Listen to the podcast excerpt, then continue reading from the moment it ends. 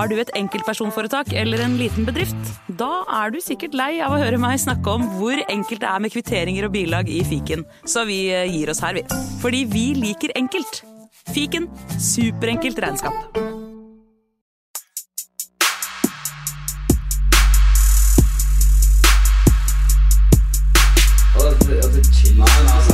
Hei, karer. Hysj. Det er faktisk sånn at det kanskje er noen som har lastet ned dette her.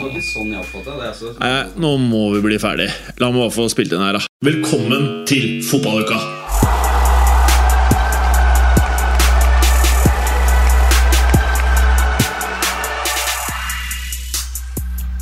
Hey!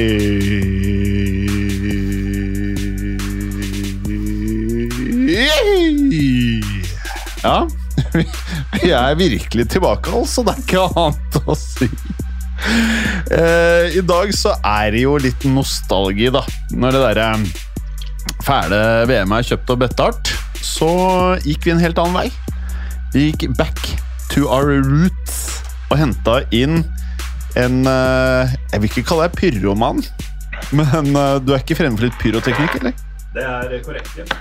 Ja, er, eh, jeg tror ikke din mic er på. Det er jo, Det er den ene mikken som ikke Skal vi se. er det er jo jævlig smooth. Tis ekstra, vet du. Ekstra spennende hvem det er.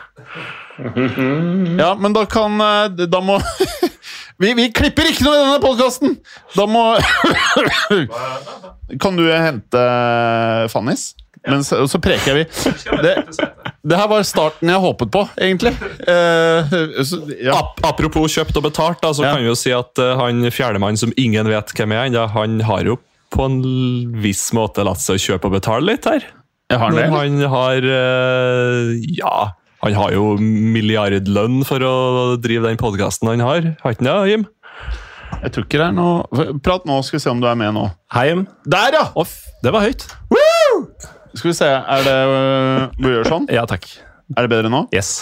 Ja, uh, Vemund sa du har milliardlønn for å drive den andre pyrotekniske podkasten. Stemmer det? Ja, det er korrekt. Jeg kjøpte nylig min fjerde penthouse på Aker Brygge. Ja! Fy Tenker å slå ned vegga, så det, Det blir der, det er der penga i brakka blir av. Skal vi ta med gjøre sånn her, så folk kan se deg? Yes. Ja. ja, nei. Det er selvfølgelig kjøpt og betalt av Saudi-Arabia, den der podkasten. 24. Pyro er kjøpt av Saudi, ass. Eh, kan jeg spørre deg, Morten, eh, hvor mange minutter av VM har du sett? Null. Ja! Veldig bra, altså. Ja. Ja. Vi hadde jo noen eh, folk innom her tidligere i dag som spiller en podkast som heter Fotballfortellinger. Null minutter de to seg imellom. Det er sterkt. Ja, så vidt jeg husker. spesielt han ene har vel uh, egentlig hatt veldig lyst til å følge med. Eh, Kanskje begge to. Ja. Men eh, det går ikke. Nei, det går ikke. Nei. Det er noe svi... sveineri. Jeg, jeg blir så fascinert av folk som uh, på Twitter bare blæster ut om kampene og spillet og sånn, som om dette er et helt normalt Ja, jeg skjønner ingenting av det. Nei. Og de, de vet jo, de har jo fått med seg diskusjonen og sånn, men det er helt skamløst. Jeg skal ikke nevne navn, men det er liksom Jeg liker å nevne navn, Ja. men ikke gjør det. Nei. Nei. Nei, det, er- det er sprøtt. Jeg skjønner ikke at de har mage til det. Du vet, Rett utenfor her så er det en sånn svær eh, kasse. Det er vel ikke telt. Det er vel eh, laget basically en brakke, hvor du kan se masse kamper på kontraskjæret. Heldigvis, jeg jobber jo noen ganger ganske sent, det er, det er aldri folk der. Aldri! Nei, det er jo um, Altså, man har jo vært der på sommeren gjennom EM og VM opp gjennom åra, og det er jo alltid masse altså Det er kø, og det er kroppsvisitering, og det er vanskelig å finne sitteplass og sånn. Jeg også går jo forbi her flere ganger i uka. Jeg har fortsatt ikke sett trafikk inn og ut. Eh, Det, det står gjerne noen i toppen av trappa, men det er jo antagelig en vakt som venter på at noen skal komme. Ja, de får penger. penger. Ja. Og så er det jo tilsvarende på Youngstorget, Ja. eh, hvor det har vært eh, reportasjer. Jeg tror Aftenposten var der og fant ut at det var 20 baransatte og 30 gjester. Ja. Og ikke alle de drakk øl engang. Så det, det, det er fint, altså. Ja, det er deilig. Jeg merker veldig på det du sier. Jeg er med i en WhatsApp-gruppe. Masse sånn eh, Premier League-interesserte, åpenbart. da. Og der også tas det screenshots fra kamper. Det prates om fantasy-VM og om spillere. Hvem som er turneringens beste så langt, hvem som møter hvem etter gruppespillet. Akkurat som om tingen bare er helt normalt. Ja, og det er så jævla synd, fordi uh, altså i gruppespillet så var det jo opptil flere matcher som ville vært jævlig Ja, interessante. Eh, og sånn som resultatene har blitt også, det er jo ganske uh, Man får jo med seg ofte åssen det har gått, Ja. uansett om man vil eller ikke. og det det er jo en del uh, sjuke ting som har foregått. altså Saudi slo Messi, og mm, Japan gikk videre, slo Tyskland og havna foran Spania vel også i samme gruppe. Ja. Um, Marokko videre for første gang i historien, tror jeg. Altså, det er masse fete ting som skjer. Jeg har ikke fått med noe av dette. At Tyskland Og- og røk ut, Og så har du hatt kamper som USA-Iran, eh, som jo har masse sånn annen slagside. Mm. Og ikke noe av det får man liksom verken fulgt med på eller glede av, eller eh, Nei. det, det bare Jeg veit ikke åssen jeg skal forholde meg til det, egentlig. Nei, Fordi- det er bare å ikke se på. Nei, jo, men eh, sånn, jeg håper jo fortsatt at Messi ikke skal bli verdensmester, f.eks. Selvfølgelig. Men samtidig, hvis han blir det, så veit jeg ikke helt om det teller. Nei, det teller jo ikke. Ikke noe av dette her teller. Nei, bra. Veldig bra. Da er vi i mål med det. Eh, Skal, skal, rett og slett bare, skal rett og slett bare kalle det et uoffisielt VM? Ja. Ja, det føler jeg er fair. Eh, Clay, vi, vi kommer jo egentlig ikke ordentlig i gang med introrunden. Eh, men jeg ønsker, vi, vi må først innom eh, han som sitter eh, høyt oppe i landet der. Ved Mons. Ja. Ja, Hei. halla. Har du sett mer VM? Jeg tror svaret er ja. skjønner du. ser jeg på Eh, deg. Nei, jeg har fakt faktisk ikke. Jeg tror jeg så eh, Eller jeg vil ikke si at jeg så på heller. TV-en sto på uh, i de siste ja, sånn midten av andre omgang i den ene England-kampen. Jeg tror det var da de kjørte over Iran eller noe sånt. Uh, Ja. Ellers så har jeg ikke sett på det i hele tatt. Uh, jeg kan pusse og flikke litt på badet og prøve å gjøre ferdig det i stedet til jul. Jævlig bra. Eh. Fikk du med Fikk med deg bildet av Kane? Han tar på seg Rainbow Daytona. Nei, det har jeg ikke sett. Altså Han fikk jo ikke lov til å ha på seg regnbuekapteinsbindet, noen av de gutta. Så han tok på seg en Rolex Daytona, som har da eh, safirer i regnbuens farger. Eh, Som da har blitt eh, big deal både innenfor eh, ja, spesielt eh, klokkemiljøet, da, eh, men også for anti-Qatar-VM-grupper, hvis man kan kalle det det. Ja. Hadde du fått Ikke med dumt. det? Ja. Nei, nei, jeg syns det er veldig pro. Eh, Hva med deg, Clayster? Jeg, jeg så at han hadde tatt på seg en klokke, og altså, eller så en, en, en nyhetssak om det. Og så sa det 'se hva han gjør', eller et eller annet sånt. Og så, så gadd ikke jeg å klikke meg inn på den saken for å se hva han hadde gjort. Det var en sånn sirkel rundt den klokka, så skjønte jeg at det var et eller annet med den klokka, men jeg gadd, jeg gadd ikke å grave dypere i det. Nei, for det var nemlig tema i en annen podkast jeg med som heter Klokkepodden. Eh, så tenkte jeg sånn, ok, når du først har ubegrenset med penger, sånn som Harry Kane nesten har, skal du bruke 1 million kroner på noe uh, tullete, så er ikke det den verste måten å gjøre det på. Har du sett noe mer av Clayster? Jeg har sett uh, tre gruppespillskamper fra VM i 98. Ja. Eh, Jeg, var, på et, eh, et, et utested som har profilert seg på at de ikke viser eh, Qatar-VM. okay. Og der viste de, viste de alle Norges gruppespillskamper fra 98-VM. Eh, og det er første gang jeg ser de, fordi jeg, jeg har aldri sett de på TV før. ja, nei, det har ikke jeg heller. Nei, fordi jeg var der. Ah. og, så, og så de på tribunen.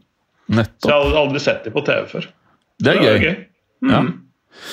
Eh, har dere fått med dere det derre um, budet på Ronaldo nå? Det har gått fra 250 til 300 millioners pund. Ja, det, ja. Det jeg er jo fikk med det, ja.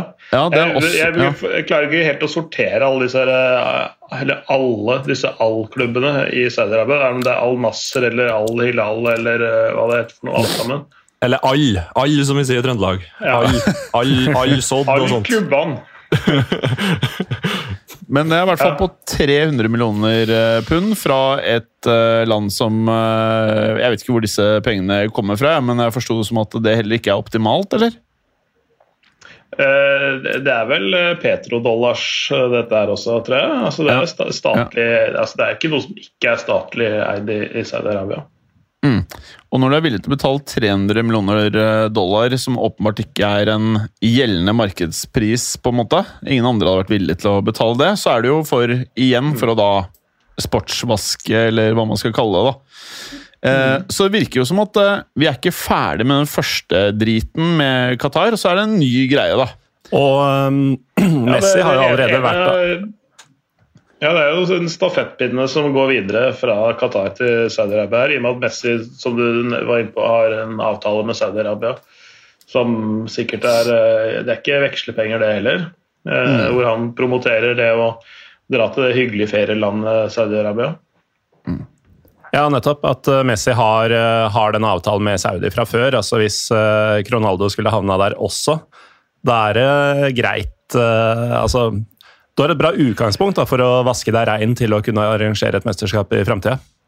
Nei, det er trist, Vi, vi var jo inne på det i for, forrige, episode, forrige episode også. De, de rigger seg greit foran uh, utdelinga av VM i 2030 når, når, eh, når han Altså når Infantino sitter ved siden av uh, Mohammed bin Salman på tribunen.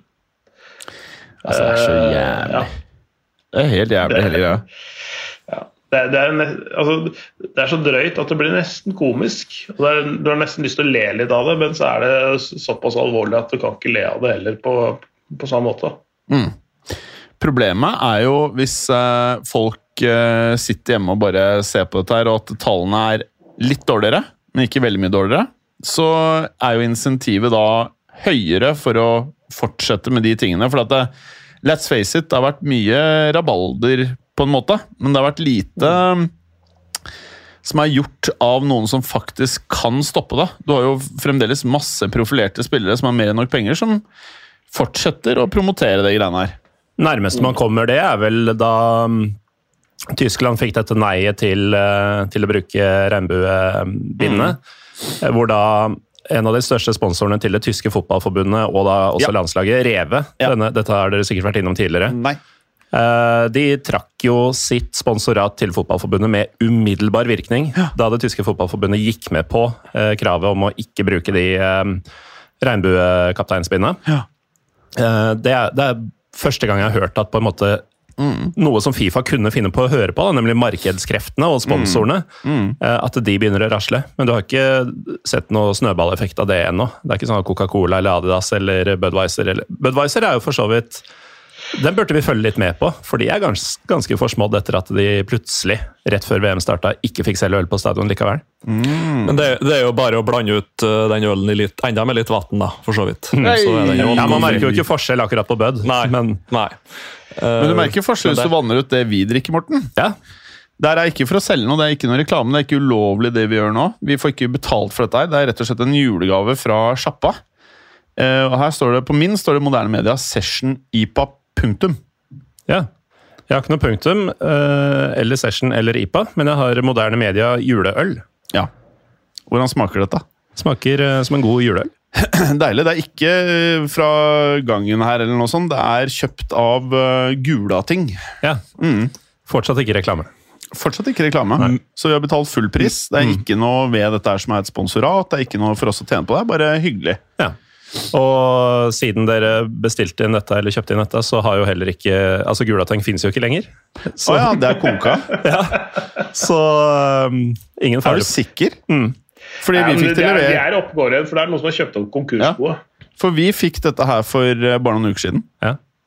ja, men det er, det er ganske nylig. Ja. Um, så noen av pubene deres eksempel er, uh, er stengt uh, ned allerede, og disse utsalgssjappene har i hvert fall det har vært lisensiert, så vidt jeg har skjønt. Ja. Så de kan fortsette under det navnet, men mange har valgt å rebrande seg. Ja, okay. Og heter nå f.eks. bare Ølutsalget eller noe Ja. sånt. Ja, det er i hvert fall glad igjen eh, penger der. Jeg har jo vært med å slette eh, mange regninger er under korona. Folk som skulle betalt eh, fakturaer til sjappa. Ja, Ja, de er sletta. så fint. Så noe bidrag er det i hvert fall. Mm. Nei, så kommer dere innom, gutta, så har dere hver deres eh, julegave stående. Eh, kommer dere ikke før jul, så er alt drukket opp, i hvert fall. Det som er litt fint nå, jeg og Jim har jo en annen, eller egentlig flere andre podkaster sammen. Um, og Jim hoster jo like mye da, men da stopper vi opptaket og klipper det bort. Her er liksom Jeg er jeg jeg hadde, jeg hadde nesten glemt hvor rølp fotballuka var. Ja, men det er ikke så I gamle dager så var det jo Da, var det, det, da kosta det å høre på. Mm. Da er det sånn. Jeg tygger med dette. Ja, og jeg husker jo for så vidt, når jeg Er tenker tilbake på det. Er det ikke flaskeklirr i introen, da? Du tenker på disse? Ja, Jo, det det er jo, det er det, ja. ja, for det er, det er samme introen som det alltid har vært. Ja, selvsagt. Ja, ja. Men det er mindre opera med en gang. Hvis Ja. du skjønner. Det er mer liksom sånn litt på gefühlen. Jeg føler meg litt for gammel til å sitte og gaule. Ja.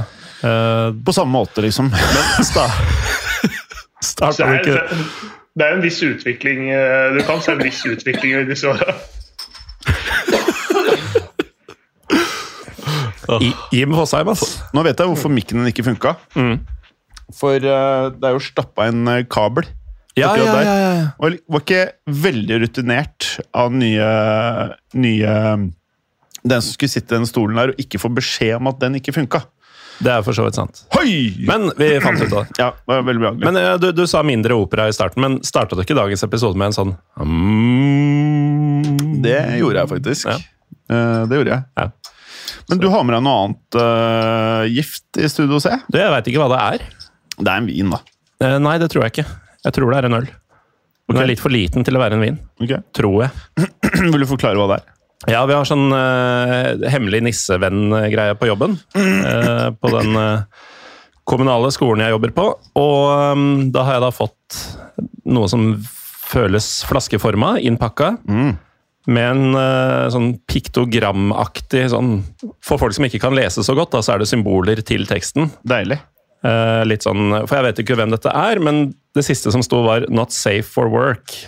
Så derfor så har jeg da ikke pakka den ut. Ja, eh, Da tror jeg du skal ta bilde av det du gjør nå, for nå er du i Jeg er på jobb, i hvert fall. Det er jo egentlig du òg. Nei, du er kanskje ikke det. Nei, nei, jeg kom hit etter jobb. Ja, Jeg er på jobb, Ja. og jeg drikker. Du drikker. Og, og du drev ja. tilbød dine ansatte drikke også? Ja, jeg gjorde det. Eh, offisielt så spiller vi inn 16.00 nå. Ja. Eller vi begynte 16.00. Ja, vi begynte 16.00. og nå er den mer enn det. Ja. Nei, men skal vi prøve Skal vi preke litt fotball, da, eller? Eh, Ja, vi var så vidt innom, vi var så vidt innom det. Ja, så bare husk, dette her er da faktisk fotballuka mens det er VM og ikke kan prate om VM. Ehm, dette her er eh, noe jeg faktisk har tenkt en del på. Hva tenker vi? For det er ikke, det er ikke så lenge til VM er eh, over, heldigvis.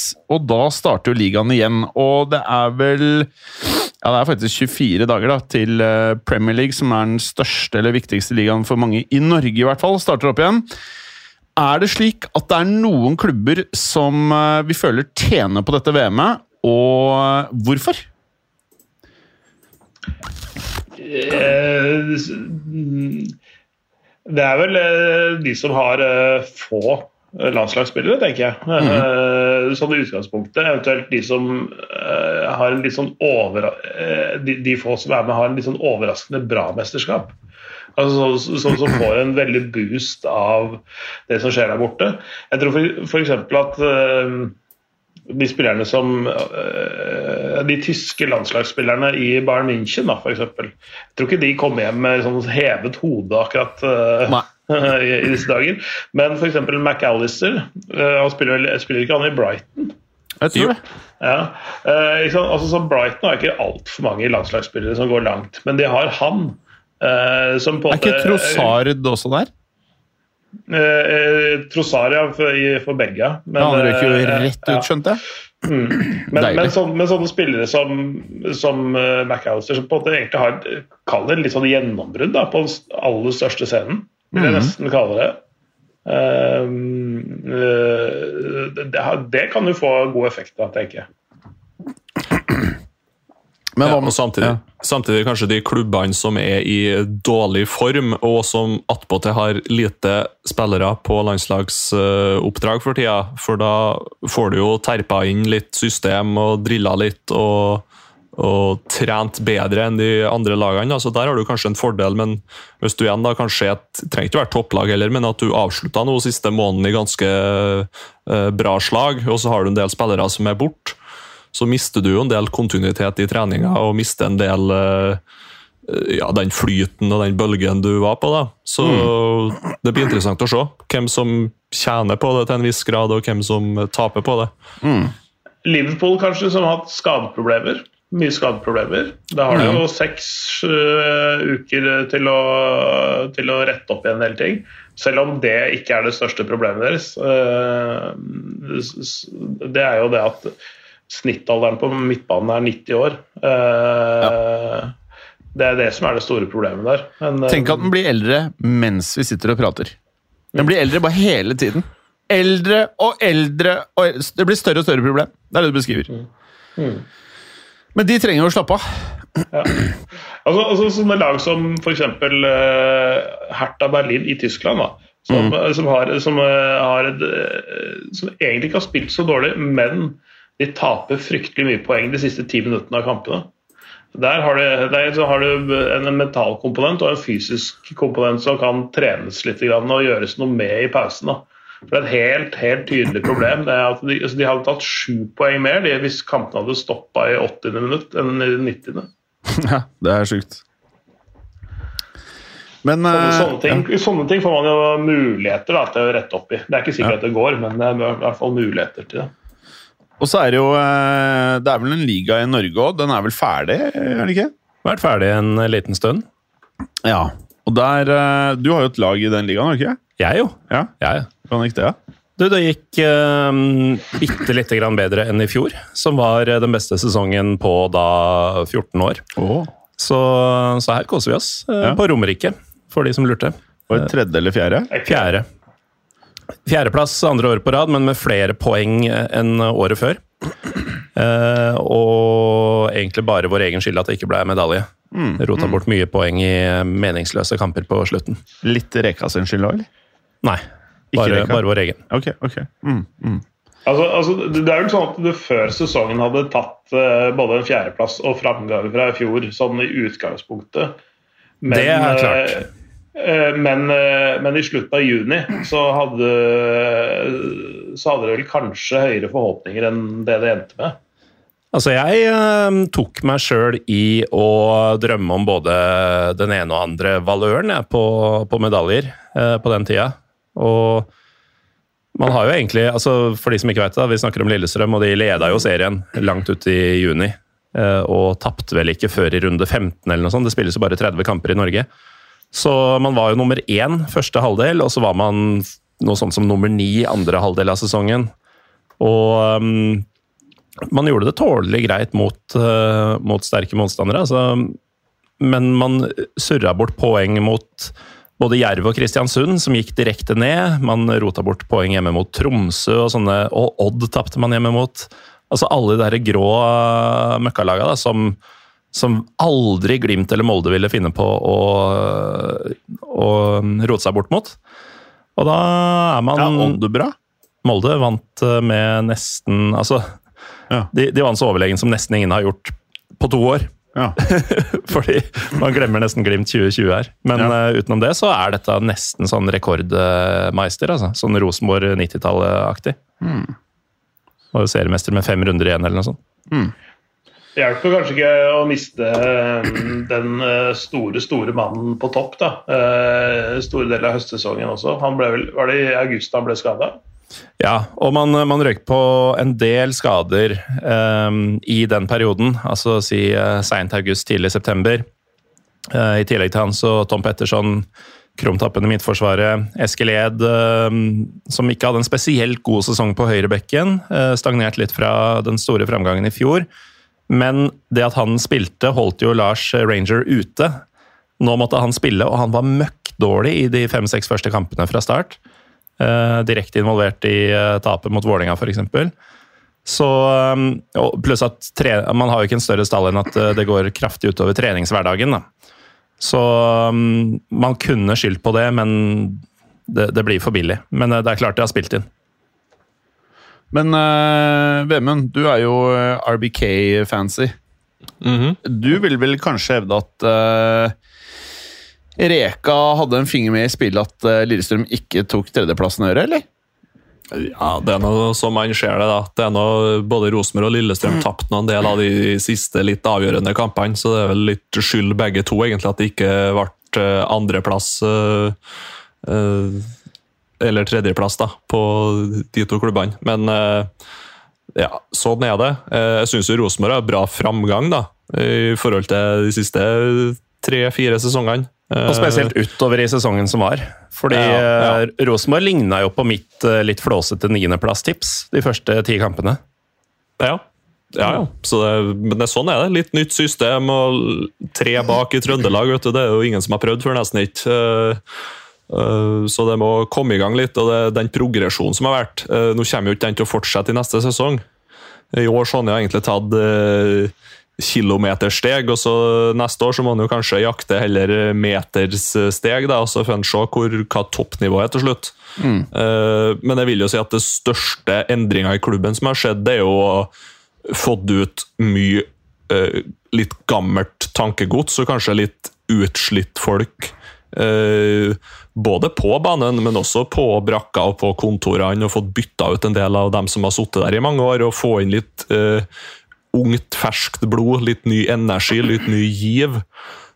samtidig bytta litt strategi når det gjelder å signere spillere. Samtidig som at økonomien ikke er like bra som den var før, så da må du scoute bedre. Du må hente smartere. Uh, I stedet for å hente ferdig utvikla spillere, så henter du da uh, spillere som har ikke helt slått gjennom ennå. Uh, og det driver de jo med nå i disse dager. Henta Ulrik Yttergård Jensen, uh, som jeg tror blir en uh, bra backup slash forsterking i Forsvaret. Litt usikker der. Hvor, Kommer gratis også? Der. Ja, gratis.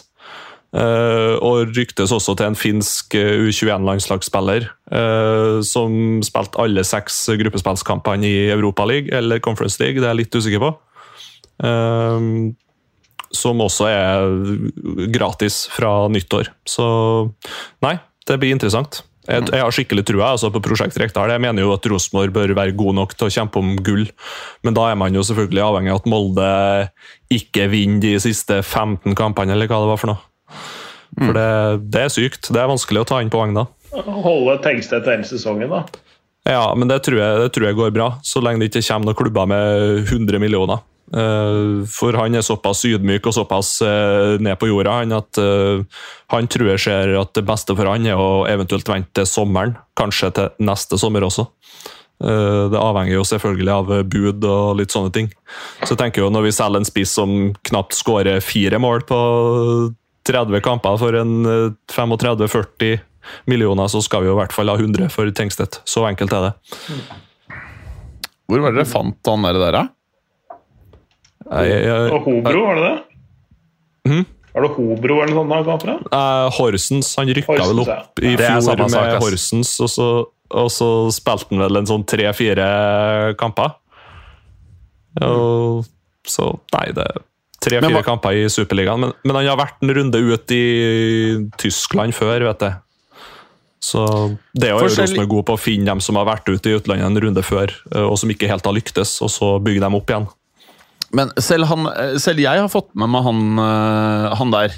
Eh, var det mm. åpenbart at han skulle være en hit, eller var det bare jævlig bra scoutingarbeid og Reka som fyrer opp brusen, liksom?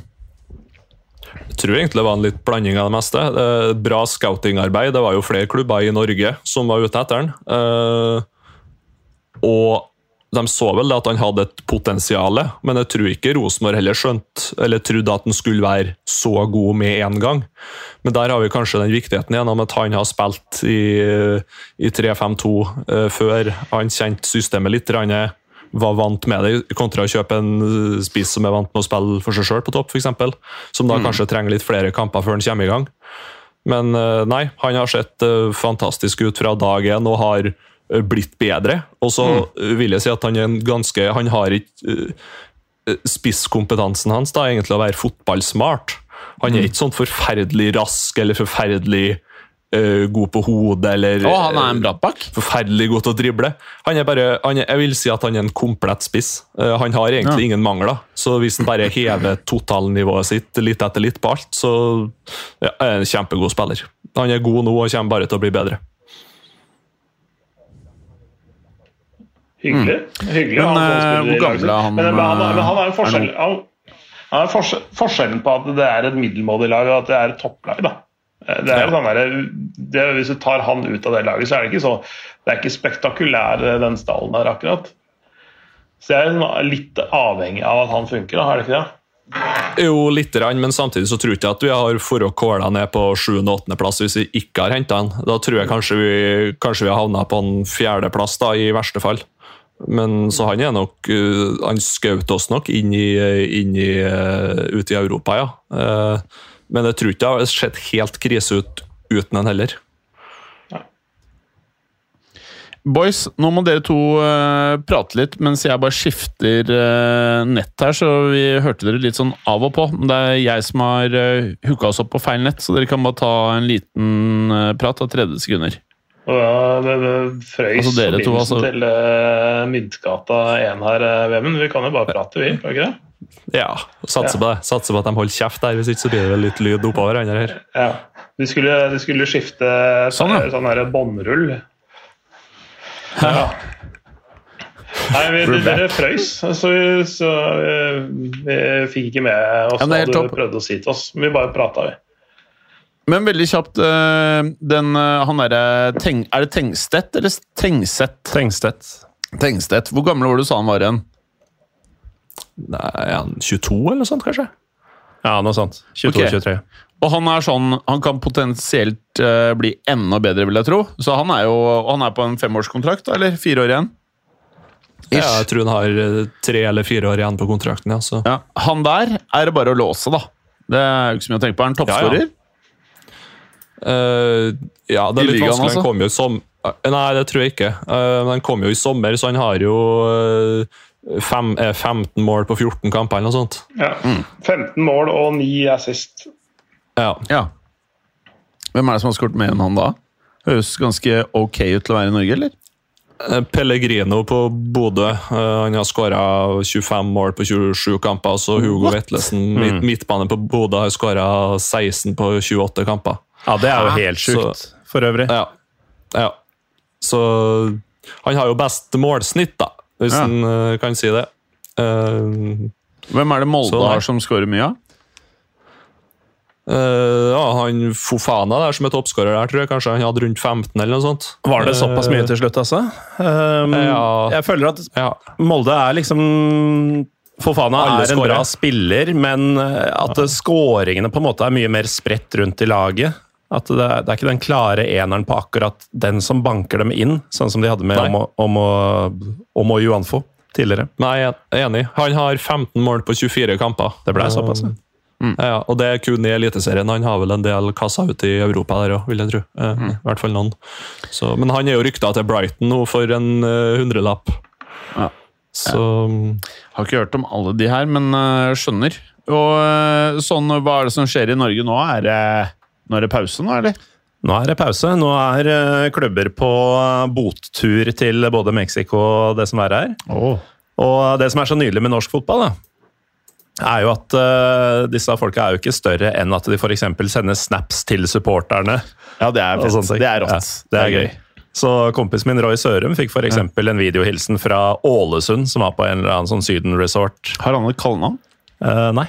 Eh, en, av, en av få kompiser av meg som ikke heter noe med runk eller svett eller brun eller noe sånt. Eller Rass? Annal. Ja, han er, han er jo fra Classy Skjetten, vet du. Roy Mm. Sørum. Uh, han, han ligner for øvrig ganske mye på meg. Eller ja, jeg ligner på han, alt ettersom.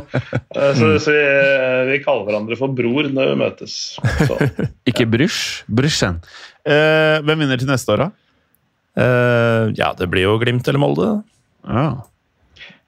Det er, ikke, det, er ikke, det er ikke noen alternativer. Hey! Jeg, jeg, jeg, sier, jeg sier det siden du ikke tør å si det sjøl, Morten. Det blir Lillestrøm. Så kommer Rosenborg på andreplass. Oi, oi, oi. Vi, oi. vi, vi blør spillere nå, så um, vi lar jo kontrakter løpe ut, vi. Men dere, dere har i hvert fall fått en assistent med fullt fokus på laget. da, nå, eh, altså, Istedenfor å drive og røre nedpå TV 2 der. Petter Myhre. Det er sant. Som- Signerte femårskontrakt eh, i går. Mm. Så nå er han fullt og helt via til klubben, og, og for så vidt jobben sin på Vang. Eh, men ikke noe sånn delt fokus med at han skal rapportere Premier League, f.eks. For er? Petter Myhre. Ja, ok, Så nå er han ikke TV 2 lenger? Nei. Ok. Så han måtte ta det valget nå, siden TV 2 faktisk overtar Eliteserien. Ja. Så kunne han ikke jobba i en av klubbene og vært Mm. ekspert. Så um, det var jo enten, enten eller denne gangen. Og da har han valgt eh, kjærligheten. ja. Er han fra Lillestrøm, eller? Nei. Eh, nærme nok. Han er fra bydel Strømmen, vel? Eh, Det er ikke bydel Strømmen. Han er, fra, han er vel egentlig fra Kuland, er han ikke det? Eller oppe Ja, Da er han jo fra min kommune, da. Fra Skjermen. Rælingen? Lø- Kuland Nei, altså, nei, nei, det kommer litt Eller hvis, du, hvis det er på Men Geir Bakke er fra Rælingen. Ja. Altså, det, det kommer litt an på om du er på riktig side av den der veien oppi, oppi der. Hvis du er liksom oppe fra Blystadlia, så er det vel Rælingen. Og så er det Det derre er mikroromeriksinndelinga som vi driver med nå, den er interessant for resten, tror jeg. Altså, Det er det her vi pisker opp når det er VM i Qatar. altså. Ja, Ja, men eh, jeg tror dette er greit. det. Hvor går kommunegrensene på Nedre det, er Romerike? det er ikke så ofte vi prater om noe som har med Norge å gjøre i denne podcasten her, så det er helt ok, det. Mm. Eh, men eh, hva tror du av Vemund? Har eh, RBKs For det første, trenger de noen spillere? Uh, ja. Eh, Den som står øverst på min ønskeliste, han uh, har spilt i Rosenborg før. Har vært en runde i Frankrike og vært en runde i Kina. og har nå Sveits nå. og skåra litt sjølmål og sånt der. Så Ole Selnes i den dype rollen på midtbanen. Eh, da er Rosenborg seriemester neste år. Garantert. Har dere hørt om den spilleren? Ja. Du også, Ja. Clay? Ja, jeg jeg har eh, kommentert han for to forskjellige klubber òg. Så han har vært borti. Ja. Både i, i, i den grønne, vakre drakta til Sankt Etienne og, og Zürich-drakta i én et eller annet tapet for PSV. Han var den eneste som eh, hadde noe altså som eh, hadde et visst nivå der. Det var eh, faktisk Ole Selnes. Jeg syns synd på han at han spilte i det der Zürich-laget der, for det var, det var ordentlig nitrist. Altså. Og han, han er jo ofte en spiller som trenger å ha et godt uh, lag med et visst grunnivå rundt seg. For hvis han blir utfordra på sine svakheter igjen, så ser han jo helt elendig ut til tider. Eh, men hvis han får brukt styrkene sine, så er han jo fantastisk. Så nei, Var det midtbane du til kalte han? Trøndelag. Ja, han er sekser. en liten Defensiv sekser. ja. midtbane. Liten sekser. Ja. Og så er det en fin alder fortsatt. Det er vel ikke mer enn 28? sant? Ja, 28 blir vel kanskje 29 nå snart. Masse erfaring, tjent et ja. par hundre mill ute. Jeg må ikke gjøre noe som helst eh, sånn rent pengemessig for å sikre seg. Eh, han er, han, er, han er fortsatt glad i penger og veldig glad i fin, finere vær. Sånn at eh, det er det det står litt på nå. Men eh, herregud, kom hjem til Trøndelag, vær så snill. Men Rosenborg lag, lagkompis med Ronaldo. Det kan være. Rosenborg har jo eh, muligheten til etter norske forhold å hive penger eh, etter spillere. og Det er vel fortsatt, til tross for alt det Glimt og Molde har drevet med opp gjennom, det største budsjettet i Eliteserien. Ja, det er sant. Eh, Så har vi jo alltid en Koteng eller noen andre som har veldig mye penger i bakhånd her, så det Er ikke det han som er litt uh, rasshølete? Han. Koteng? Ja. ja. Det har jeg fått med meg. Men han er en veldig stor Rosenborg-supporter og har veldig stort hjerte for Rosenborg. Og sjøl om han ikke er daglig leder, skulle si noe mer, så, så, så er han han på brakka. Han er rundt der og Men, er ikke han som passer har, litt på drifta. men det er en eller annen der som har søla vekk Pang og skapt dårlig stemning. Er det han? Koteng? Eller er det en annen som er borte? Har de rydda opp? Nei, jeg, jeg vil ikke si at det er noen som har søla bort pengene, egentlig. Det var vel heller det at det har vært to tøffe år med korona, og klubben er ganske avhengig av å fylle stadion for å ha bra budsjett. Men Var det ikke en Eh, trener som ble jævlig lei seg, og så var det noen spillere som var, eh, syntes alt var dritt? Og var det ikke Oi! Var det ikke skikkelig dårlig stemning der etter Sorry. Ja, det var, Sorry, det var sorry, sorry. kanskje når Åge Hareide satt og duppa litt på benken der i, forrige sesong. Da var det litt trist å være både spiller og supporter, tror jeg. For det var Ja. Det var kjedelig. En gammel mann som egentlig hadde pensjon, pensjonert seg, og det, det vistes, for å si det sånn. Du, Men det- ja. Det har jo vært litt sånn egentlig generelt de siste åra, at det har uh, vært litt lite sjølinnsikt. Man har trodd at man har vært litt bedre enn man er, øh, og da forsvinner pengene fort. Og så, og så forsvinner pengene fort når du kaster penger etter eh, spillere som er eh, i agentselskapet, det gamle agentselskapet til sportssjefen. Ja. Det jo har de jo endra litt rute på i det siste, da. Og var det en liten Solskjær-variant her, jeg hørte, eller? Det har vært litt solskjærvirksomhet oppe i Nei, Trøndelagen. Altså, altså, Hæ? altså, han, var en, han var en eh, bra bidragsyter i en uh, relativt uh, hyggelig Rosenborg-periode, Mikael Dorsin som, som, som back. da. Uh, men så ble han spilleragent etterpå. ja, han hørte jeg har vært fæling, ja. Ja, altså han var agent og, og er det var vel deleier eller sånt i et uh, firma som er, er det, Jeg husker ikke hva det heter engang. Nordic Sky. Nordic Sky, ja. Og så ble han sportssjef i, i Rosenborg etter var det Bjørnby. Ja. Stig Bjørnby. Og så endte det opp med altså, de tre-fire tre, første spillerne de kjøpte, eller sånt, var jo spillere som var under det selskapet. Ja, og det, det, er jo det er jo litt forståelig til en viss grad, for da hadde ikke Rosenborg noe mye scouting og noe mye, noe mye opplegg for det. Eh, nå virker det jo som at de signeringene de kjøper, er mer gjennomscouta og mer planlagt. Ja. mens da var det litt mer sånn å ja, du kjenner en høyre back, da kjøper vi han. Å ja, du kjenner en venstre back. Samtidig som at vi hadde Åge Hareide som trener, da, som eh, kjenner svensk fotball veldig godt. Så det ble jo henta en del eh, svensker da, eh, som var under det agentfirmaet. Så det, det er nok en sammensatt. Jeg vil ikke skylde kun på sportsdirektør der, altså. Det er jo eh, mer klubben. Men, men de fleste da, som, som eh, var i Rosenborg da, de har jo blitt bytta ut når det er både spillere og trenere eller uh, andre folk rundt klubben. Så som sagt, det har skjedd en stor holdningsendring og en skikkelig ny giv i klubben. Der de før trakk i litt forskjellige retninger, trekker de nå alle sammen i samme retning. Uh, og det gjorde de i starten av sesongen heller. Det er noe som har kommet utover sesongen, at de drar skikkelig i samme retning. Ja. Det, det, det er litt skummelt når du har det største budsjettet og du begynner å få god lagånd. Da, da, det, er litt, det er litt sånn skummelt for de andre lagene i norsk fotball. Ja, men Rekdal kommer til å blande seg inn eh, på den måten bare han kan etter hvert, så jeg er ikke så bekymra. Altså. Nei, det er sant, det.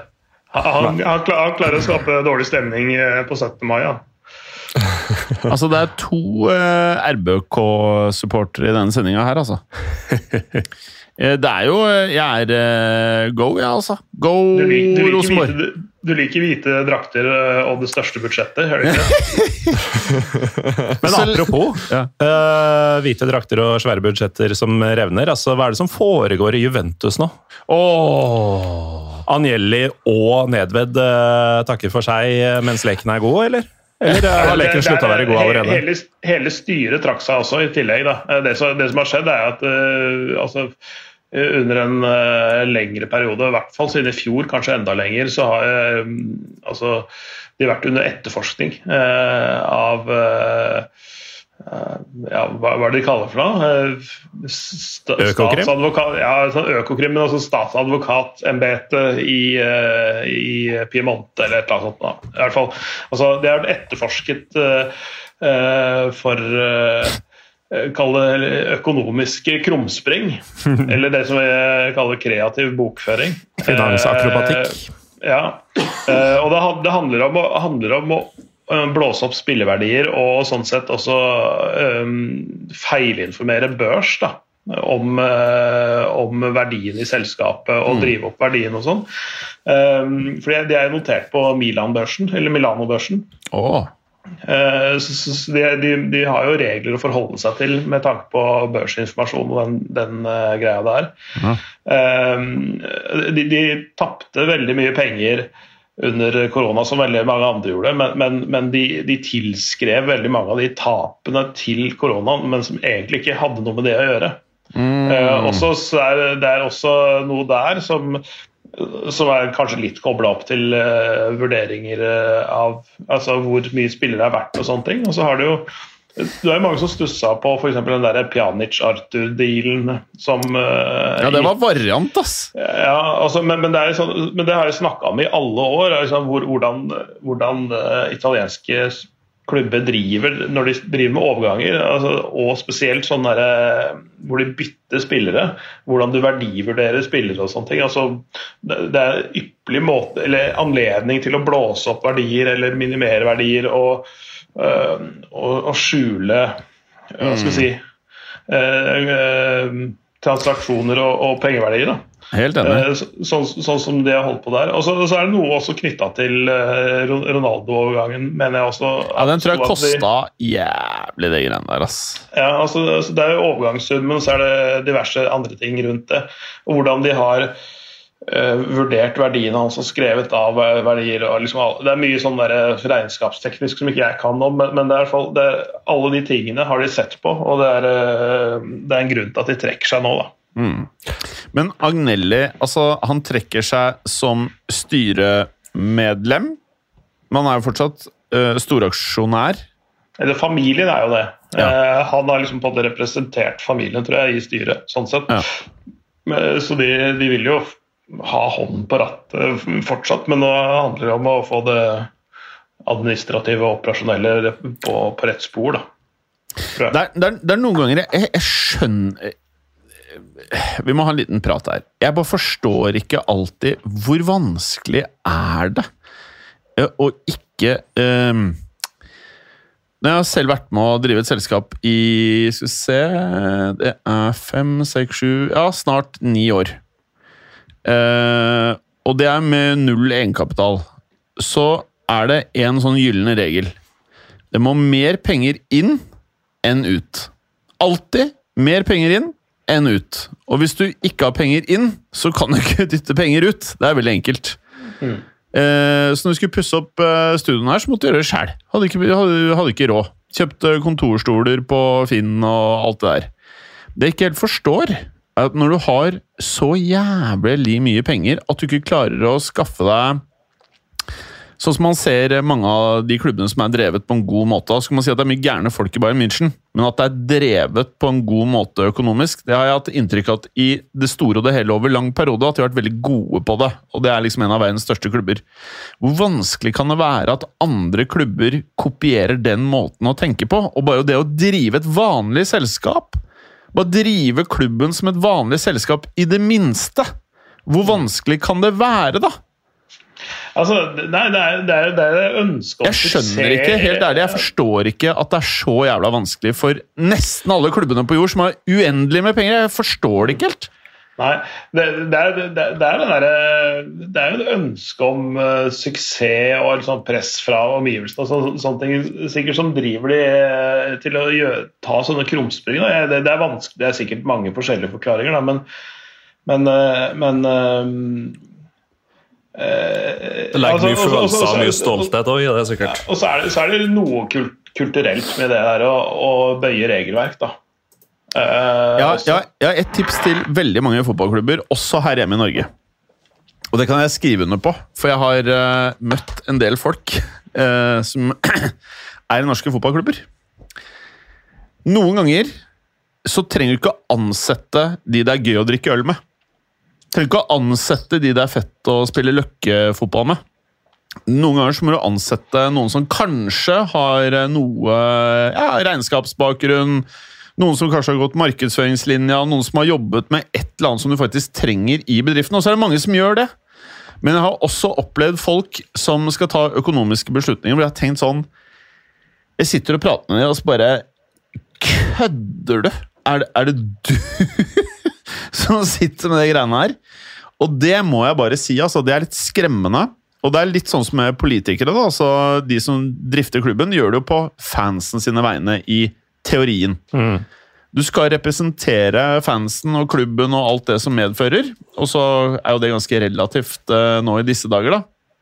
Men uh, eh, jeg tror det starter litt der, i det du sier, Clay, det kulturelle også. At det, det kan ikke være gutta som driver klubben. Det tror jeg noen ganger uh, føler jeg, jeg føler litt på det noen ganger, da. Hva tenker dere? Og så, nei, også sånn som Juventus da, i tilfelle det er at de signerer Ronaldo. Det er jo fordi at å, nå har vi vært nære på å vinne Champions League. Ja. Nå satser vi skikkelig. Ja, Det var samme Higuain òg. går vi for det. Ja, absolutt. Og, og da legger du kanskje da litt mye godvilje, litt mye følelser, litt mye eh, stolthet til en viss grad i det. At du skal Faen, det gikk ikke i år. Nå skal vi ta dem neste sesong. Vi splæsjer casha, og så får vi se. Går det, så går det. Og går det ikke, så, så blir det dyrt. Eh, og når du da samtidig har hatt den troppen og stallen da, og gjennomsnittsalder på 32 eller noe sånt sikkert på Juventus der de siste sesongene, og så skal du prøve å erstatte dem med en 35-åring, som koster 100 millioner attåt. Det, det blir så feil tankegang. Og det, det er jo det de kjenner på skikkelig nå. Og så er jo eh, spørsmålet blir hva som skjer videre nå. Er det såpass ille at Juventus kan få trukket poeng, bli straffa for det her? Eller er det mer at styret har trukket seg nå for at liksom, det var vår skyld, vi tar på oss skylda, og så går de videre på et vis? Det, det vet vi jo kanskje ikke noe om ennå. Men det blir jo interessant å få med seg. Hvordan føler du deg i norsk fotball, Morten? Tror du det er noen ganger det er gutta som driver, eller? Jo, men det er klart det. Altså, det er jo, jeg prata om det fete med norsk fotball, at det er litt små forhold i stad, med at eh, spillere fra andre klubber driver og hilser hjem til supportere av andre klubber. Uh, ulempen ved å ha det lille samfunnet er jo at alle kjenner hverandre og sånn. og nå har jo f.eks. mitt Lillestrøm eh, nylig ansatt ny keepertrener. Og selvfølgelig skal tvilen komme han til gode. Kan godt hende at han er jævla dyktig osv. Jeg veit ingenting om fyren, men man går da fra å ha hatt Jon Knutsen i den rollen. Masse landskamper, eh, stor spillerkarriere. Har, eh, var vel en liten tur eh, utenlands også i løpet av spillerkarrieren. ikke sant? Har pondus, han veit hva som kreves for å bli en toppkeeper. Han har, kan vise til ting. Og så skal han begynne å jobbe i, eh, for landslaget nå. Lillestrøm skal hente en ny fyr, og man henter inn keepertreneren til uh, Ullkisa, altså oppe på Jessheim på Romerike. Han er fra før god kompis med flere av dem som driver klubben. Han har ingen meritter som spiller. Han har ikke vært keepertrener på et høyere nivå enn norsk første og divisjon. Kan godt være et kjempetalent i den rollen, men virker å være ansatt fordi han er en lokal løsning. Dette er kult for fansen som har drukket øl med og akkurat sånn som du sier. det. Um, og ja, starter kulturelt kanskje på plussida pga. det. Men uh, for oss som tenker uh, resultat og sånn, så er det litt vanskelig å se for seg at han fyren her skal være den som leder Mats Hedenstad Christiansen, U-landslagskeeper, som nå var med i siste troppen til Norge A også til å ta det neste steget og være den som forteller han hva som kreves og sånn. Fordi um, who the fucking hell are you, liksom? Eh, og, det, og den tror jeg er gjennomgående i viktigere roller enn keepertrener, altså i forskjellige norske klubber. Men Er det, eh, er det han som jobba i eh, Romerikes Blad tidligere? Mulig. Han kalles bare Biffen. Ja. Såpass, Jeg bare- såpass jeg gutta er det. Jeg bare, jeg bare lurte, lurte på eh, For jeg syns navnet virka litt kjent. Han Westgård? Ja. Ja. Ja, nei, jeg veit ikke helt. Han kan sikkert ha jobba som journalist samtidig som han var keeper. ja, ja, men, altså, men, men jeg mener at jeg så han og eh, den O store sportsjournalisten i Romerikes Blad eh, på TV-kanalen hans, holdt jeg på å si. Mm. Mm. Mener, mener det var noen sånne greier der eh, når de hadde delvis sånn eh, studio på Martins, blant annet. Ja, nei, men Det kan godt hende, for som sagt, han er god venn med, med folk i eh, altså Romerike er et enda mindre sted enn Norge igjen. Men dette er bare et bilde på hvor kort vei det kan være da, eh, inn i viktige roller i norsk fotball pga. Guttastemning osv. Det er klart at det gjelder riktignok i litt andre dimensjoner, men også i f.eks. Juventus. da. Mm. Det er bare at eh, sånn som i Norge, så jeg tror du har helt rett. Altså, jeg tror det er det samme overalt. eh, Eller ikke overalt, jeg tror det er mye av det. Mm. Det tror jeg. Og så er det jo fryktelig mange sportsdirektører og så videre som bare er eks-spillere. Mm. Så ikke nødvendigvis har tatt noe sånn sports management-utdanning eller noe sånt. Som bare Ja, Stig Inger Bjørneby, ja. Du hadde en god venstrefot. Du kan kjøpe og selge spillerne våre. Ja, det er eh, Og ifølge Det det, Ja. det, er det vi går for i Rosenborg. Venstrebeinte sportsdirektører. Det er det vi er gode på. Hver jævla gang. ja. Nei, jeg, jeg, ja. Men eh, på en eller annen bisarr måte, da, så blir det rettferdig når alle gjør det samme. på en måte. Så Det blir urettferdig med en gang du har en klubb som tenker annerledes, da, som faktisk har kompetente folk som sitter og drifter klubben. Jeg, jeg tror, i hvert fall i tiden som kommer, når alle har råd til internasjonal fotball, alle har råd til alle spillerne, egentlig, og spillerne velger hvor de skal gå selv, og så får de ca. den samme lønnen uh, uansett hvor det går, for alle vil ha det. Så tror jeg til syvende og sist så er det drift eh, som er med på å bestemme hvilke klubber som kommer til å ta de største stegene, ikke bare økonomi, da. Ja, Er det egentlig det? Fordi er drift relevant for klubber som Newcastle nå, City, eh, PSG, som bare har en utømmelig brønn med spenn? Ja, det er Trenger de å drive godt i det hele tatt? ja. Hvis du ser på Champions League, da. Det er eh, ingen av oljeklubbene som har vunnet de siste ti årene. Ingen. Det er et poeng. Det, og du kan si at øh, eh, Sånn som er ryktet at PSG skal, nei, Qatar skal selge seg ned 25 i PSG. Jeg tror det er var det 15 eller 25? Jeg tror det er 25% Så de skal selge aksjer eh, tilsvarende 25% av dagens verdi. da. Ehm, så tror jeg også at eh, det er gøy sikkert å drive en eh, Hvis du har uendelig med penger, så er det kanskje gøy å drive det i fem-ti år. Nå er det tredje klubben i Premier League av de fem-seks største som er til salgs. Altså både United og Liverpool er til salgs. Ehm, Chelsea ble akkurat solgt av sikkert eh, Nå virket det som at Roman var mindre interessert i klubben enn han har vært lenge. Og jeg tror mye av de tingene Jeg, jeg, jeg tror mye av det er midlertidig. Mens klubber som nå Barcelona har vært gjennom sitt, da, men eh, Barcelona, Real Madrid, Bayern München Mange av disse her det er, føles som permanente løsninger over tid.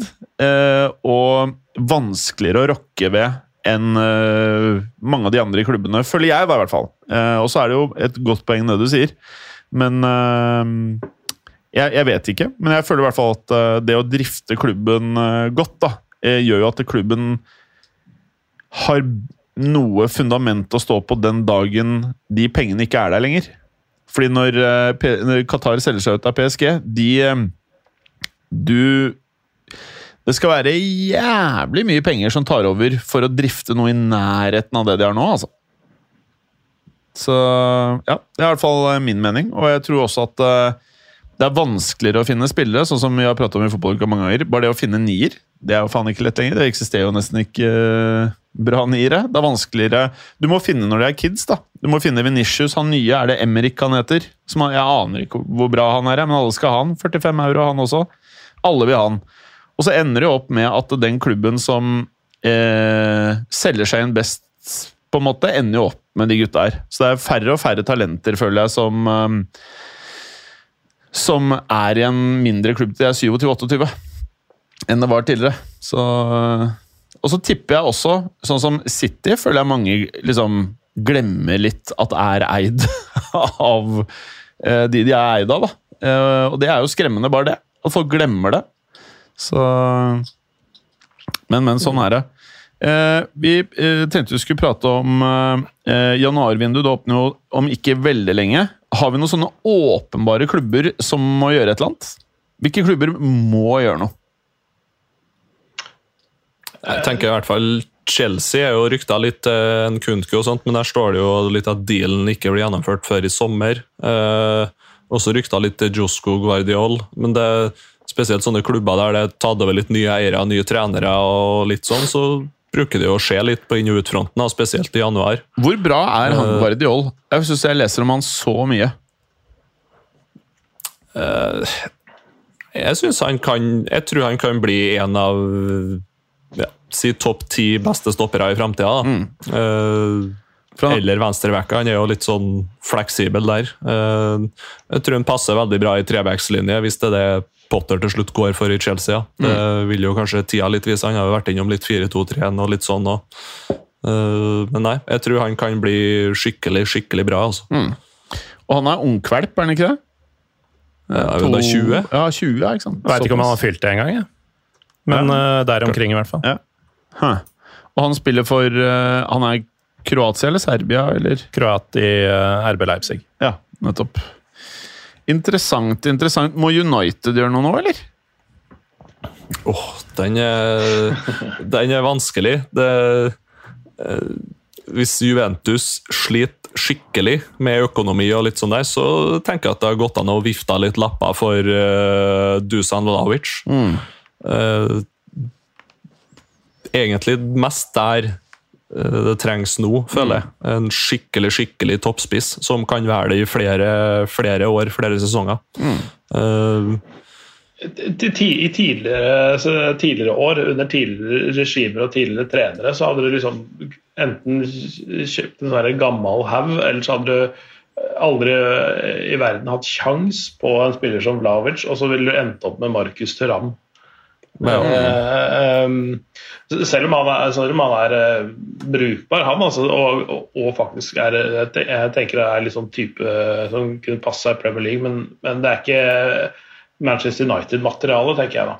Nei. ikke sant? Det er ikke nivå, han har ikke nivået inne, men han har fysikken til å spille for sånn type Bournemouth eller, eller Brighton eller, altså, eller et eller annet sånn, sånn type lag. Da. Wolves, kanskje. Wolves må jo ha en spiller. Eh, De, må, eh, altså de har jo en løs kanon som eh, får rødt kort i annenhver kamp på spissplass der. De, fordi han første spissen de kjøpte, fikk avrevet korsbånd i første omgangen han spilte. Ja. Så, så det er litt tynt besatt der. Wolves kunne liksom endt opp med noe sånt. Det, det føler jeg er nivået til Markus Thuram i Premier League. da. Jeg veit ikke om de er eh, trenger det, men uh, for meg så bare Det skriker Westham United av Ja, Markus Markus ja. Men han, han er vel på utgående kontrakt, da, ikke sant? Jo, det, så, så han er jo Han ryktes jo overalt, egentlig, i Europa, Ja. sånn sett. Eh, Og han, han er nok Han er jo mer enn eh, bare en, en haug med muskler. Altså, han er jo egentlig ganske bra spiller, altså, men, men, men, eh, men eh, jeg er usikker på Eller han er, han er ikke en spiller som hever et topplag. Eh, Så en sånn, en sånn middels lag eh, han, han passer i. Ganske digg den ølen her, ass. Ja, vi drakk jo forskjellige, men jeg er veldig fornøyd med min. Den er tom. Mm. Jeg er snart ferdig sjøl, jeg. Eh, Vemund, du kommer innom Oslo før jul, så er det alkohol i bøttesvis her. Eller er det ikke? Det er fire øl til. Eh, jo, hva med eh, Bayern München? Må de gjøre noe, eller? Jeg vet at de prøver å av alle ting fornye Chupomoting. Nei, det er ikke rart. Han, øh, han øh, på de øh, Han var på de siste sju kampene, klubbkampene før VM nå, så skårte han jo ni mål. Ja, jeg vet. Eh, Jeg skjønner jo det. Men han, er, han, er, han veit at dette her er et lite blaff. Eh, At, eh, at, han, at, at han har eh, At han eh, surfer så til de grader eh, i medvind her. Eh, Og, og at han, han er veldig fornøyd da, med å sitte og se på de store gutta spille, og så innimellom få lov til å bidra litt. Ja. Han, til, å- han tjener jo massevis av spenn bare på å sitte der. ikke sant? Ja, ja. Å være klar når han får muligheten og er fornøyd. Han, han klager ikke. Han, han har ikke noen ambisjoner om å gå videre heller, men de veit nøyaktig hva de får. Uh, og nå som de har trengt ham, så har han vært veldig viktig for de også. Han er bare 33, vet du, så han har jo en to-tre gode sesonger igjen. Ja, ja, ja. I moderne fotball, ja. Før Også- han også alt til der- Tyrkia eller noe. Alt det der røret med at folk skulle ha Cronaldo Ronaldo til eh, Bayern München, altså det, da lo jeg høyt og lenge når jeg så det første, første gang. For det er ikke en klubb som driver med den, de tingene der i det Nei. hele tatt. Og så, så, så jeg er sikker på at uh, du får like mye ut av Chocoboting som du får av Cronaldo Ronaldo i den klubben. I den rollen der. Og han koster kanskje en førtiendedel av, av å ha Ronaldo der. Ja. Det, det, altså. det, det Bayern kanskje burde ha tenkt litt på, det er vel å hente inn en slags erstatter for Lucas Hernandez, som røk korsbåndet nå i VM. Eh, Det, det de han, har, han har jo ikke spilt mest i det Bayern-laget i år, da, men uh, De er relativt godt besatt på, på stoppeplass. Uh, og Eventuelt kan de skyve Pavar inn, men da trenger de en høyrebekk òg. Og det, egentlig så trenger de en høyrebekk, hvis det er noe de trenger. Sånn sett, Så kan du bruke Pavar som stopper.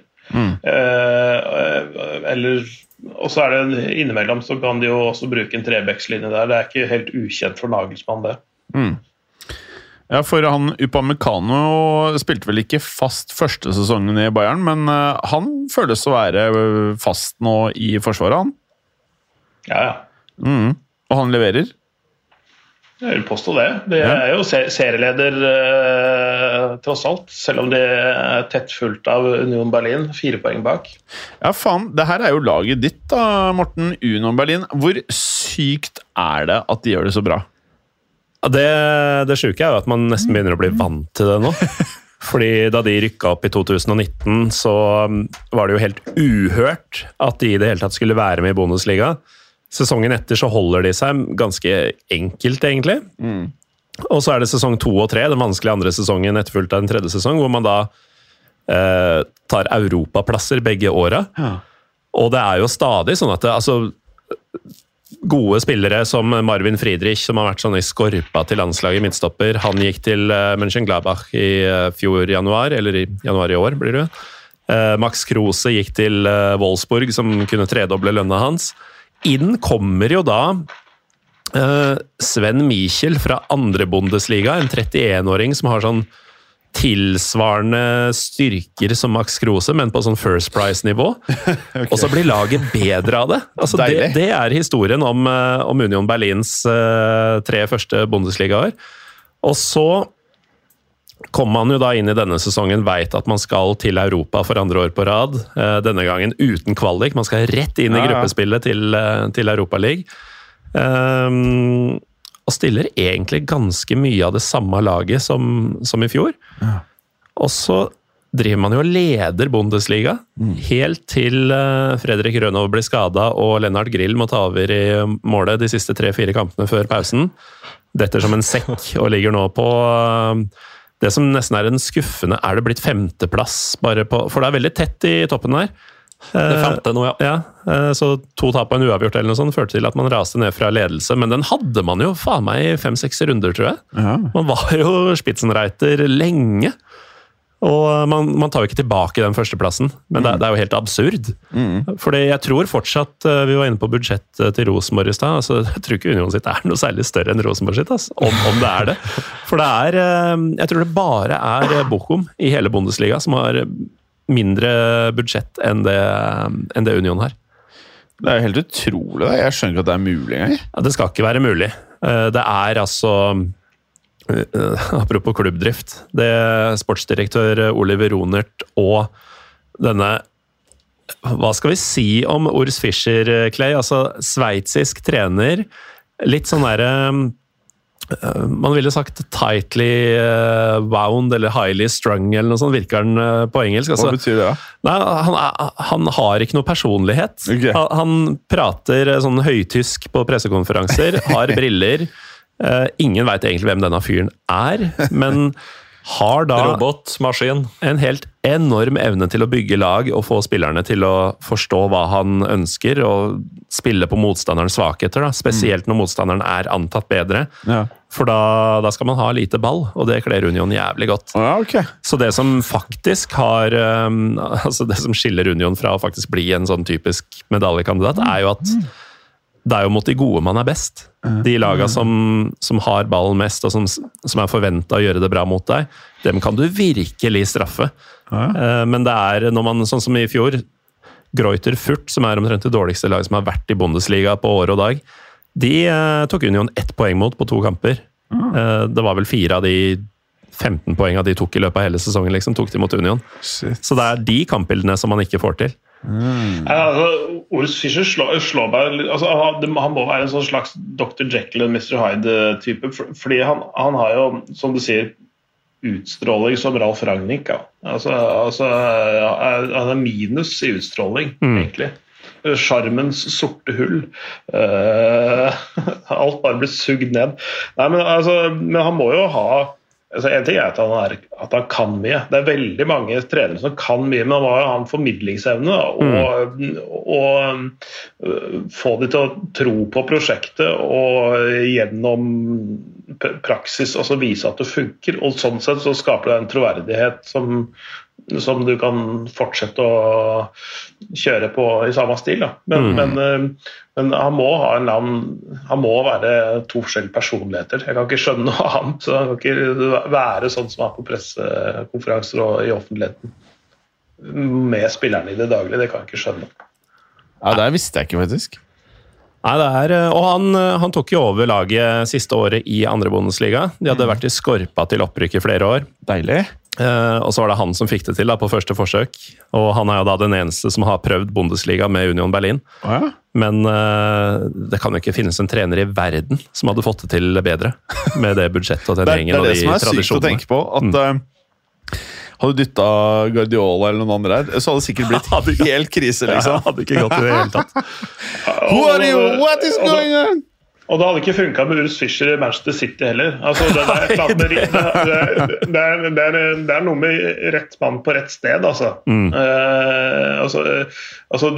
Den typen trenere får til ting med små ressurser, og når de slår nedenfra, sånn notorisk slår nedenfra Men hvis de, får, hvis de får ressurser og store spillere, så funker det ikke på samme måte. Det er et eller annet som de, Litt av metoden deres er å tappe litt inn på de der folkene som har kanskje blitt nedvurdert, kanskje har litt feilslåtte karrierer, mm. som, eh, som, har noe å bevise. Eller ikke egentlig har så mye bevis, men de har ingenting å tape. Sulten gjeng. Altså, mm. uh, og så bare trykke på de rette knappene der, og, og mm. sånn. Mm. Og så henter de jo kule fotballspillere, som Morten Thorsby, f.eks., som er kanskje min favorittspiller i verden har vært det siste året. For en, eh, ja, bare for en fyr. Uh, at det går an å være litt uh, mindre teknisk begava, men fortsatt uh, skåre mål og fortsatt briljere på en midtbane med headinger og taklinger og sånt. Det, det, det liker vi. er det han på det norske landslaget? Mm. Ja. Han blonde?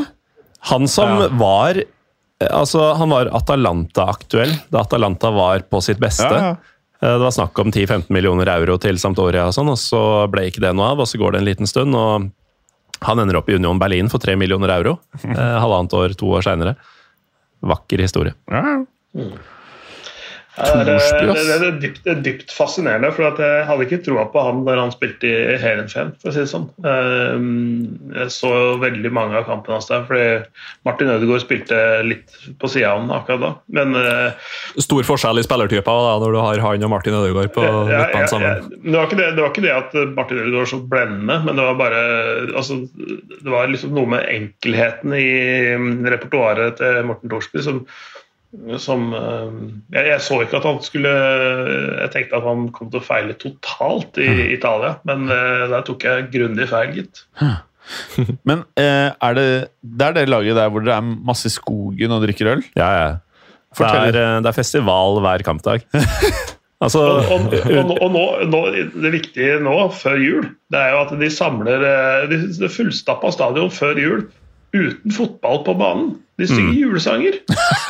Ja, ja. Jeg er klar, da! Lille julaften hvert år. Eh, ja. Total utsolgt i forkant hver eneste gang. Det starta med at det var to kompiser. Da var Union eh, på tredje eller fjerde nivå. Eh, veldig mange år siden nå.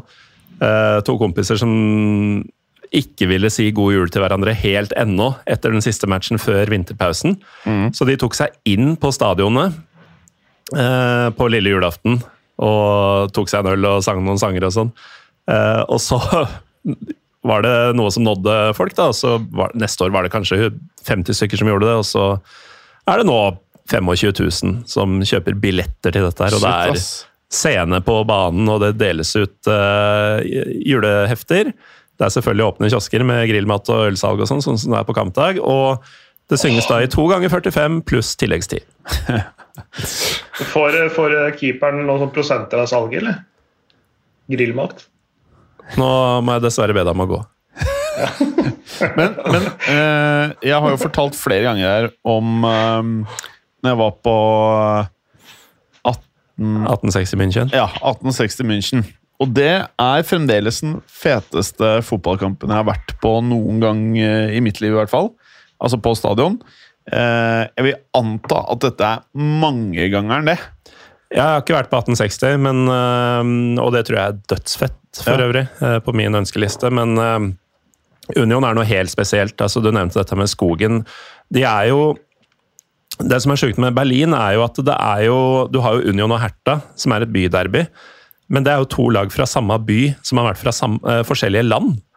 Mesteparten av Vest- og Øst-Tyskland? Ikke sant? Ah. Så de har jo ikke noe historikk med å møte hverandre før nå nylig. Ah. Så, så, det er jo helt spesielt. Og Union ligger ganske langt ut i øst også. Eh, Berlin er jo litt som Los Angeles. Det er jo mange mindre byer, landsbyer, som på en måte har blitt en stor by. Mm. Så Köpenick, der Union kommer fra, langt ut i øst, ca. 20 minutter med banen fra, fra Alexanderplatz, da, for de som eh, tar den referansen.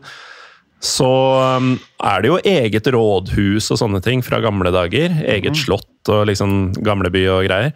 Um, men det fete er jo at stadionet ligger jo da bokstavelig talt i en skog.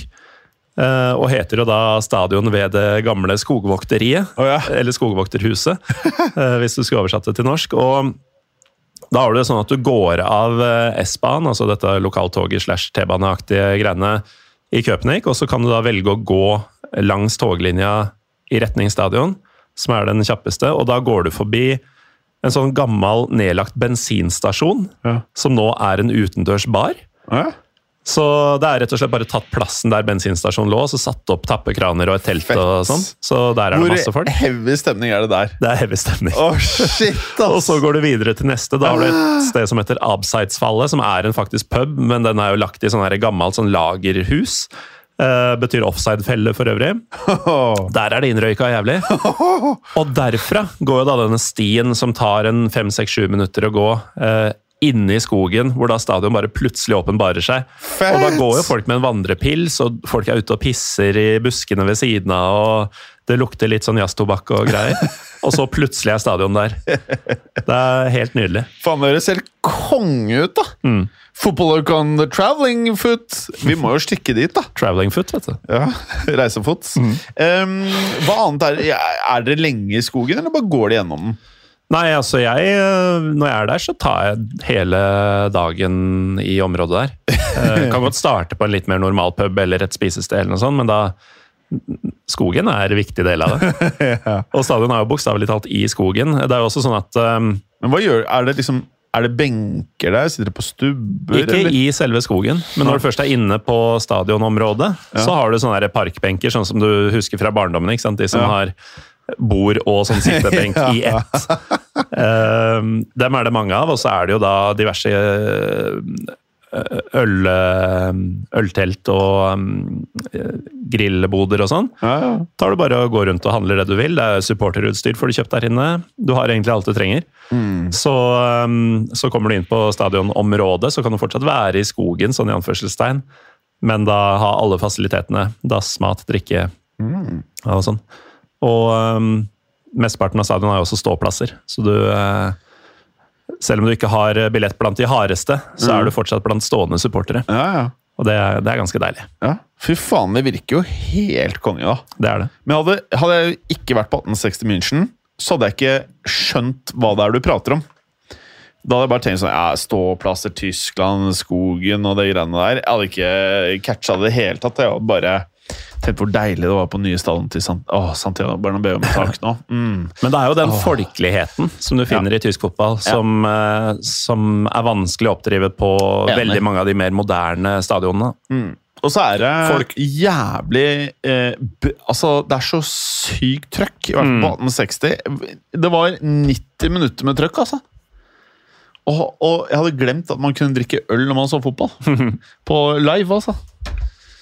Det hjelper på på stemning, det òg, som regel. Og den folkeligheten, den, den forsvinner jo eh, ganske ofte når eh, budsjettet går oppover. Så desto lavere nivå, desto mer folkelig er jo fotball, som regel, da. Det er sant.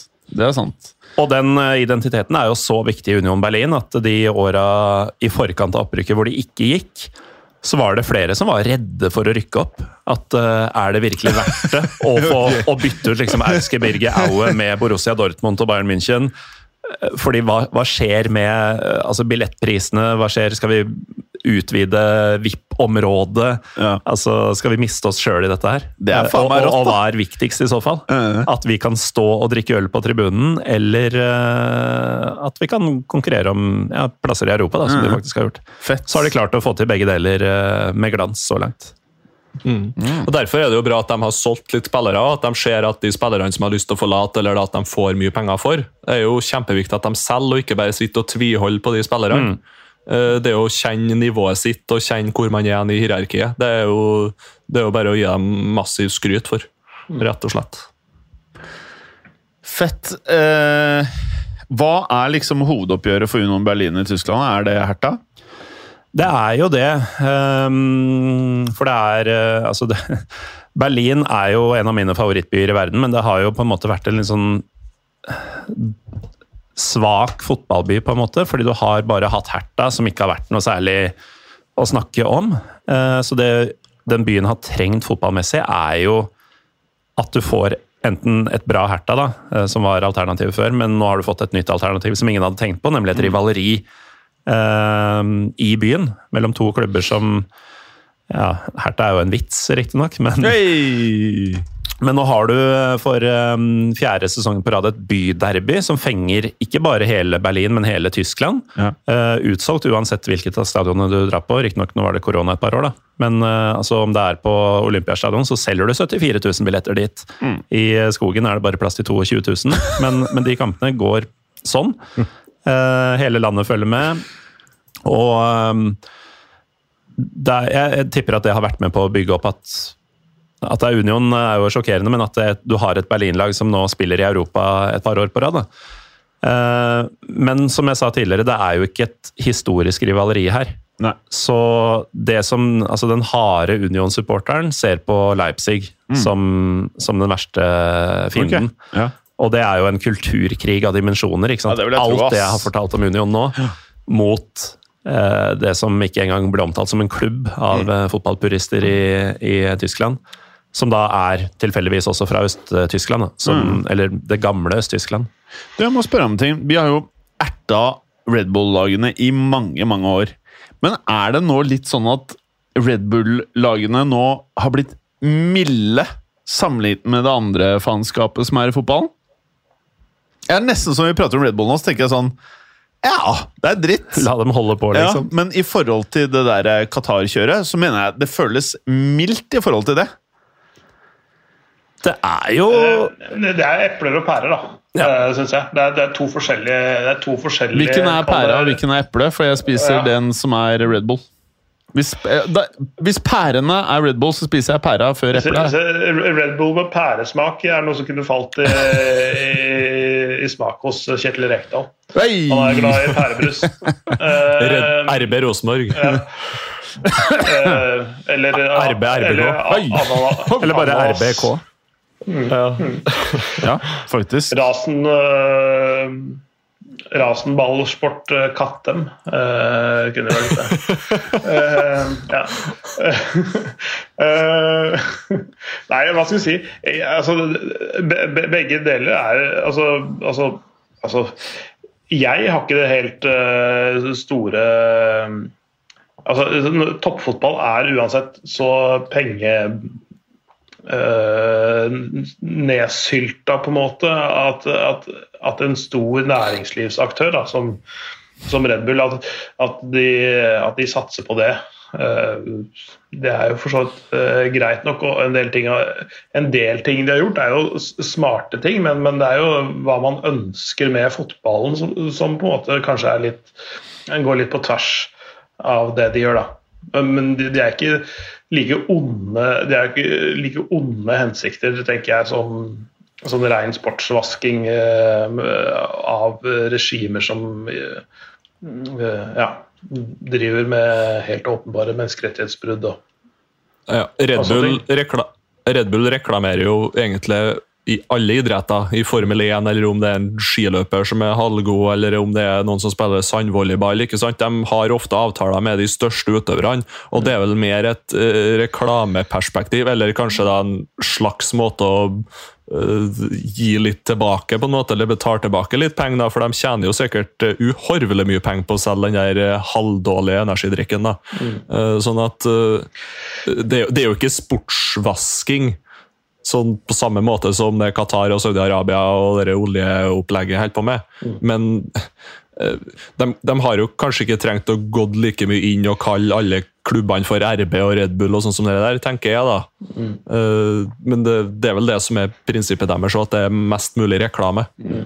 Altså, det er det er andre det er ting man må ta med i beregningen her. Altså, i, Østerrike, hvor dette oppsto, eller fordi grunnleggeren er fra Østerrike, så er det jo også lov å ha firmanavn i klubbnavn.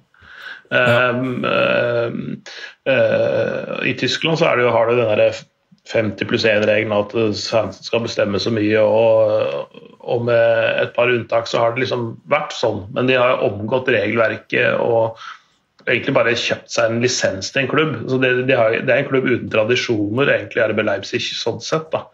Uh, I hvert fall den moderne æraen. Eh, og så er det uh, altså Hadde det vært brukt som et eh, et middel til å fremme den nå avdøde eierens politiske syn, så hadde det vært noe annet. Uh, og han, uh, Mateschitz, han var jo en ganske Ikke bare en ganske, en veldig drøy uh, høyremann, kan, man, kan man si. Han, uh, han støtta vel det, det østerrikske svaret på Alternativ for Deutschland, gjorde han ikke det, Morten? Jo, stemmer det. Det er eh, Jørg Heider-partiet, eller hva det Ja, Vet altså ikke. som, er, altså som er så brunbeisa at eh, Mm. ja, det, uh, Men det, er ikke, det har ikke vært brukt eh, for den sakens fremme, da. Dette, dette verktøyet, på en måte. Det har vært for å selge brus. Ja. Så, så det, er, det er reklame kontra sportsvasking. Så det er to forskjellige ting, men, men, eh, men ja. ja. Så det er ikke, er ikke helt sammenlignbart. Men det er, ingen av delene er bra, på en måte, da, sånn sett. Nei. Bra. Eh, siste her nå, før vi eh, reker av gårde her, er det mm, Vi vet at det er mye free transfers eh, som dominerer eh, verdensfotballen. Mye av eh, player power og div årsaker. Er det noen er det noen eh, lytterne burde følge ekstra med på i eh, månedene som kommer, som eh, sikkert er heite blant forskjellige klubber? Nå er det jo sikkert mest aktuelt i sommeren for å få de gratis, men man kan jo få de kanskje litt rimeligere nå, da. Faktisk, det er et rykte om Musiala til Real Madrid, faktisk. Ja, det, det, det, det, Både Musiala og Bellingham er jo sånn annenhver dag omtrent. da, eh, dit. Ja. Så jeg vet Og. Mus og Musiala har vel kommentert litt, og der er ikke noe sånn at ja, jeg skal bli i Dortmund. Der virker det som at han er litt åpen for Du det beste i, tilbudet. eh, sånn. Bellingham, tenker du på? Nei, Musiala, syns jeg. i ja. Nei, eh, Musiala. Eh, Mokoko, Ja, ja. tenker jeg på jeg nå. At ok. han, han, har han har jo vært på utgående, og han har vært litt sånn at han eh, Han har ikke vært han har vært åpen, han holder litt alle dørene åpne. Det er ikke noe sånn bankers at han fortsetter i eh, Dortmund, selv om jeg tror det er det beste for han. Så har han vært veldig åpen for eh, ja, litt forskjellige muligheter. Nå tok jeg feil eh, spiller der i stad, beklager. Men eh, du vet sånn, husker dere Berger var veldig opptatt av det her med å trade spillere som egentlig aldri ble noe av. Men Bellingham til Real Madrid, kan det ligge noe i det at masse penger til Dortmund pluss Kamavinga? Nei. Nei. Nei. Nei. Kamavinga, Kamavinga gidder ikke å gå, til Borussia Dortmund Nei. nå.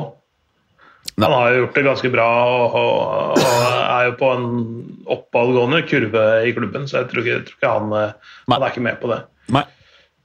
Tror det, er, det, er jo, det er jo store navn, da, som eh, altså, Rashford uh, for grabs, holdt jeg på å si. Milan Skriniar. Nevnte Jori Tielmanns forrige uke. Uh, og Daichi Kamada, faktisk. Ja. En, uh, en av de som kan være litt interessant å følge litt med Mm. Rashford han virker å være ganske lei United, eh, føler jeg, da. Hver gang han har blitt intervjua og alt det der. Jeg er bare usikker på hvem som egentlig er villig til å ta han, skal jeg være helt ærlig. Ja, samme. Det, det virker for meg som at han kommer til å bli en slags sånn Ascencio. Ja, bare United, enig. Til en, til en viss grad. Eh, fordi at hvis de, Nå har han vel, han er på utgående, men de har vel en sånn eh, årsopsjon på, på han, tror jeg, så han forsvinner jo ikke gratis. da. Men han får jo sikkert tilbudt ny langtidskontrakt, og da er han jo plutselig United til han er 30, og da blir det litt sånn Ja. Eh, Jeg sliter jo veldig med å se helt hvordan han passer inn i United til tider, og han er veldig ustabil opp og ned. Hadde litt skadeproblemer. Det blir litt sånn Ja. ja, Den her Ascencio-linken er veldig lik. altså Jeg tror, tror aldri han blir bankers i en United-elver som vinner titler og sånt, men eh, fin og grei spiller, skulle jeg si. Ja. Nå har vi holdt på over 30 minutter lenger enn det vi vanligvis gjør, eh, boys. Er det noen siste ting før vi skrur av mikrofonen, Arseth? Nei, vi er, vi, vi er ikke avslutta for året, vi. Er vi det? Nei! Nei, nei. Nei, nei. Nei, nei. Nei. nei, nei. nei, nei. Da, da er det bare å fylle på i neste sending. Veldig fint. Ok, eh, Morten. Det var hyggelig å ha deg her. Takk for at jeg fikk komme. Vær så god. Det, var, ja, det gikk greit. Det gikk greit. Eh, takk for i dag, karer. Takk. Ha det. Takk for i dag. Hei, hei. Ha det. Hei, hei, hei. Takk for at du gadd å høre på. Vi er Fotballuka på Twitter, Facebook og Instagram. Følg oss gjerne. Men bare få høre. Den tror jeg blir litt fet. Moderne media.